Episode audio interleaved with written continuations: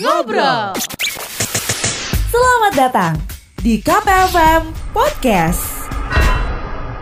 PM Trap di 96,8 memainkan lagu terbaik di Samarinda. Pendengar KP disiarkan langsung dari kawasan Kompleks Mahakam Square Gedung Kaltim Pos, lantai 3.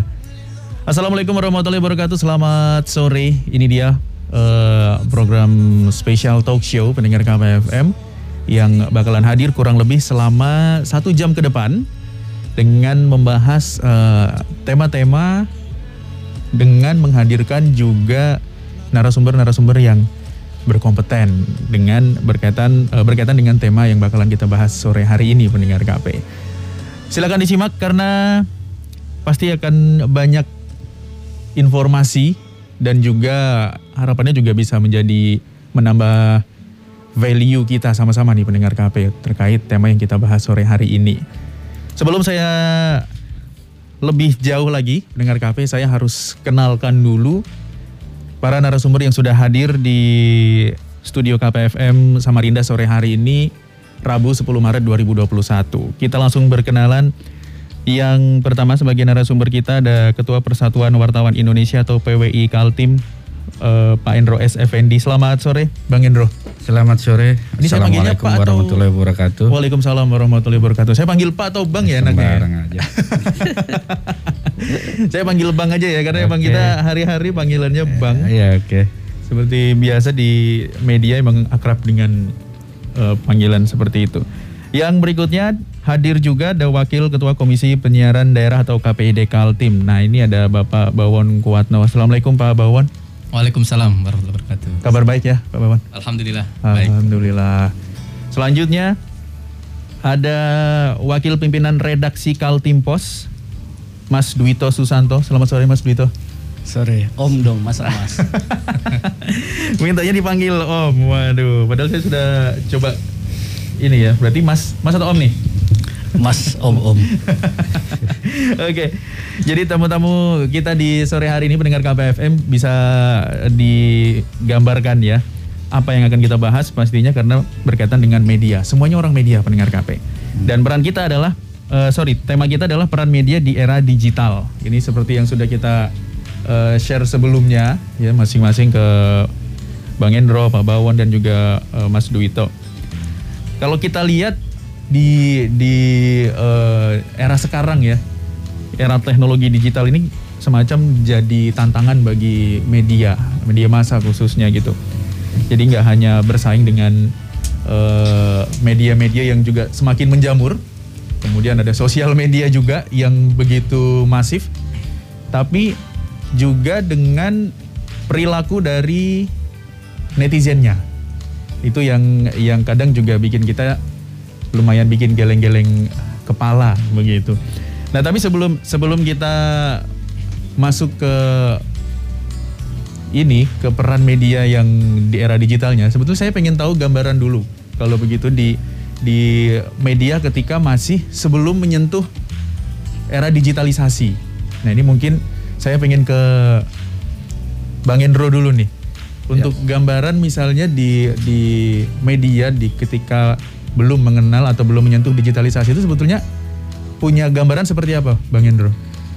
Iya, jauh sebelum era digital sekarang tentu berbeda ya. Cara kerja uh, wartawan pun uh, sangat berbeda hmm. dibandingkan saat ini di era digital. Di masa lampau untuk urusan foto saja misalnya uh, mungkin generasi yang lama akan mengalami pakai roll film gitu. Yeah. Dia harus berpikir untuk isi film itu hanya 36 itu kalau nggak kepake semua kadang-kadang kita nyari momen satu dua tiga nanti uh, paling lima film gitu mm-hmm. kita pergi ke percetakan foto itu dipotong lagi filmnya jadi 36 tuh paling 36 terpakai paling 15 atau 20 mm-hmm. itu udah dari sisi foto kita nggak bisa berharap banyak yeah. dan kita nggak tahu hasilnya itu jadi apa enggak okay. kan sering ya kita mm-hmm. dulu motret nggak taunya pas dicetak kebakar merah kebakar karu-karuan nah, itu sudah tantangan dari wartawan di masa sebelumnya mm-hmm. kedua ngetiknya dari mulai mesin tik iya. habis mesin tik kita pindah ke WS Wordstar iya. itu masih pakai disket mm-hmm. Ya kalau udah kena virus, kena virus habis ngetik ulang gitu. Iya.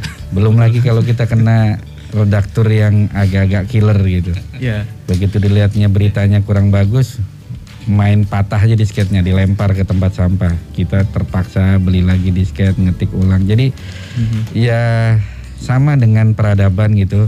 Wartawan pun masuk dari zaman jahiliyah ke zaman sekarang itu cukup luar biasa. Oke. Hanya bedanya saat ini yang kurang diperhatikan oleh para wartawan di era digital adalah ketepatan tadi, ketepatan, verifikasi, akurasi itu yang menjadi kurang. Mhm. Karena mikir cepat, karena mikir yang penting eh, paling duluan, Iya. paling viral, Mhm. akibatnya itu tadi eh, kedalamannya tidak dilakukan, kemudian eh, kualitasnya diabaikan. Yang penting viral dulu, urusan kualitas belakangan. Nah ini yang kemudian menjadi tantangan dan alhamdulillahnya juga yang begitu itu menjadi kelebihan dari media cetak Oke. sehingga di balik kondisi itu media cetak masih punya harapan Oke. karena mereka masih punya kedalaman berita yang em, kualitas tadi akhirnya menjadi nilai tambah untuk narasumber eh, dan juga untuk para pembaca di Kalimantan Timur. Oke, berarti secara tidak langsung jawaban saya sudah terjawab nih satu, salah satunya yaitu kita media massa masih dibutuhkan nggak sih di era digital seperti ini? Ternyata menurut eh, Bang Hendro memang masih tetap dibutuhkan karena punya eh, apa ya karakteristiknya sendiri begitu ya? Ya sama dengan kita lain. bicara radio aja, apakah dengan adanya konten-konten aplikasi-aplikasi voice yang begitu banyak di Android, apakah radio hilang? Enggak. Mhm. Karena aplikasi itu tidak punya sentuhan humanis gitu. Ya. Humanisnya nggak ada. Sementara radio Agung karena sudah mungkin punya pendengar pendengar KPFM pasti ada yang sudah hari-hari nelpon, hari-hari request itu sentuhannya udah beda. Mhm. Energi itu yang nggak dimiliki oleh aplikasi lain. Ya. Karena mereka berbi- eh, mereka bekerja sesuai artificial intelligence berdasarkan mesin. Ya. Tapi kalau secara humanis itu yang membuat orang masih tetap membutuhkan radio Oke. dan masih tetap request lagu kayak zaman dulu gitu kan. Iya, iya, Nah, betul, seperti itu. Betul. Oke, tidak bisa dilupakan begitu saja. Berarti kesimpulan. Nah, kalau misalnya kita ke Mas Duito. Bagaimana dengan sudah sudah memberi kode yang sepertinya saya siap menjawabnya ini. saya suka kalau sama sama Mas Duito ini selalu cair gitu, selalu enjoy. Kalau misalnya nah ini kita kita lihat ke Kaltimpos saja sendiri. Ke Kaltimpos dulu kan Mas Mas Duito termasuk generasi yang tidak bisa dibilang baru. Enggak lah. Saya enggak se sepurba Mas Endro ya. Gimana deh? Kalau zaman Mas Endro yang digambarkan tadi pakai mesin tik, pakai eh, apa? Disket. Disket, pakai roll kamera film. Iya. Iya. Saya alhamdulillah sih belum belum Sudah nggak melewati itu. Sudah sudah Iya, iya. peralihan berarti ya. Iya. peralihan lah. Transisi. Transisi betul. kita masih yang masih terasa sekarang itu adalah perbedaan adalah eh, rapat-rapat redaksi sebenarnya. Kalau dulu kan kita rapat-rapat redaksi itu perencanaan apa segala macam macam masih tatap muka, Mhm. masih masih tahu kalau ini redakturnya marah beneran atau marah bercanda gitu. Iya, kalau iya, iya. sekarang kan rapatnya di di WA kita nggak tahu ini bercanda kah atau ini orang sambil ngapain kah. Iya, Gitu. Jadi betul. eh, apakah dia fokus pada pembahasan atau dia sambil ngapain itu kita nggak tahu sebenarnya. Oke. Jadi perbedaannya di situ. Nggak terlalu jauh sih kalau saya. Saya masih milenial lah ya. Oke. baik, baik, baik. Berarti memang transisinya juga dapat ya ketika masa-masa masih sedikit konvensional. Ya. Iya. Kalau era Pak Sapril di tahun 2010 itu dianggap konvensional ya saya dapat lah itu. Iya, iya, iya, iya. Jadi eh, karakter-karakternya memang eh, jauh sekali berbeda dibanding eh, anak-anak sekarang karena Hmm. eh, dulu benar-benar keras Mas Endro mungkin paham betul lah. Iya. Kalau zaman saya mungkin sudah tidak seberapa keras untuk eh, urusan eh, mendebat satu isu eh, Iya. layak tayang atau tidak. Oke, oke. Oke, berarti bisa bisa diambil kesimpulan eh, dari medianya sendiri dengan perubahan zamannya sendiri ini mempengaruhi dalam memproduksi kontennya juga ya akhirnya ya. Betul. Cara memproduksi kontennya juga sedikit ada penyesuaian bisa dibilang seperti itu. Iya, iya. Oke. Karena apa yang kita hasilkan itu adalah eh, ujung dari proses yang kita kerjakan. Jadi eh, mau tidak mau eh, ada sedikit demi sedikit perubahan eh, konten yang terasa lah dari zaman dulu kala saat Mas Endro jadi wartawan Iya. sama zaman saya jadi wartawan itu beda sudah lah. Iya, iya. Jadi ada pergeseran eh, konten baik dari sisi kualitas maupun dari sisi eh, trennya. Oke, baik. Nah, kalau kita bergeser lagi ke KPID. Nah, ini adalah yang bisa dibilang yang mengawasi radio, televisi gitu ya. Nah, kalau di di era yang sebelumnya Pak Bawon, ini gambarannya seperti apa kira-kira eh, situasinya? Kalau sekarang kan kita sudah serba digital ya, apalagi TV digital juga sudah mulai rame juga nih. Iya, iya. Eh, benar Mas Agung. Pertama saya mau berangkat dari definisi terlebih dahulu ya, sebagaimana tema yang kita sampaikan pada eh, sore hari ini, bahwa eh, era digital secara sederhana itu maknanya adalah suatu masa ketika informasi itu sangat mudah eh, diperoleh dan sangat mudah sekali disebarluaskan dengan teknologi digital. Ya. Itu eh, era sekarang. Dan bicara teknologi digital itu adalah yang terkomputerisasi tentunya, yang kemudian juga terhubung atau terkoneksi pada internet. Nah, kalau berbicara media eh, penyiaran zaman dahulu, baik itu radio maupun eh, televisi, Iya. eh, sangat eh, apa namanya eh, belum terkoneksi pada internet ya seperti itu. Saya penikmat radio sejak tahun 83 ya. Oke. Jadi waktu itu eh, radio masih gunakan gelombang eh, SW, MW dan sekarang udah teknologi terakhir dengan gelombang FM yang dengan kualitas sangat eh, jernih tentunya seperti itu. Iya. Jadi sudah berbeda sekali antara dulu dengan sekarang seperti itu ya. Eh, kalau dulu ya kalau bahasa sederhananya istilah sekarang tuh udah sangat manual lah ya. Iya, iya. Sangat manual. Kalau sekarang udah serba canggih. Mhm. Kalau bahasa canggihnya sekarang udah istilah konvergensi ya Mas Anto ya. Betul. Jadi mereka hadir dalam katakanlah hari ini di KPFM pun hadir lewat streaming misalnya Iya, seperti betul. itu kan. Dulu mana ada seperti itu.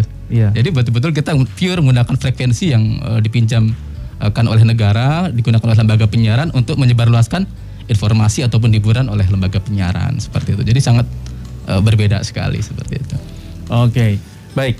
Itu tadi sedikit gambaran pendengar KP yang sengaja coba saya keluarkan terlebih dahulu dari ketiga narasumber eh, kita sore hari ini.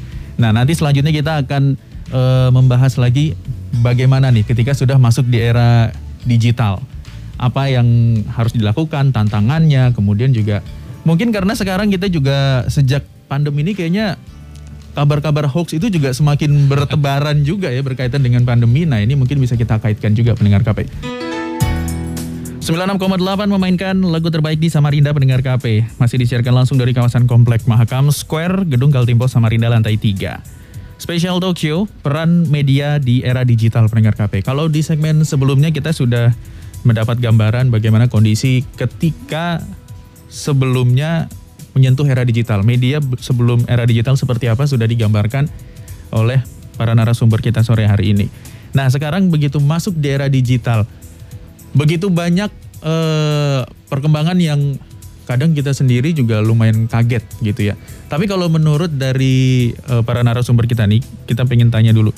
Dengan perkembangan yang sedemikian pesat, sebetulnya kita sebagai netizen dan juga sebagai eh, media, apakah sudah masuk dalam kategori siap dengan perkembangan yang sedemikian pesat? Ke Bang Hendro dulu mungkin. Ya, kalau media dianggap apakah sudah sangat siap, harus diakui bahwa hampir sebagian besar media sampai detik ini belum ketemu formula atau cara yang tepat untuk menghadapi kondisi ini. Harus diakui itu belum belum ada pertemuan karena ketika kemarin di Australia pihak Australia melakukan blok terhadap berita-berita yang disiarkan oleh misalnya Facebook atau Google, Ya. Facebook pun melakukan hal yang sama. Dia juga memboikot semua pemberitaan tentang Australia. Akhirnya main kuat-kuatan kan. Ya. Nah ini yang kemudian tidak akan mendapatkan titik temu, titik temu. Sama dengan saat ini. Kita harus tahu bahwa wartawan itu dalam memproduksi berita itu tidak mudah. Mhm. Dari mulai mendapatkan isu, memverifikasi, menulis sampai editing itu perlu waktu. Begitu jadi udah dicopas sana sini, Iya, iya. Tiba-tiba diambil Babe, diambil Google, diambil macam-macam kan. Ya. Terima kasih sudah dengerin Ngobrol KPFM Podcast. See you!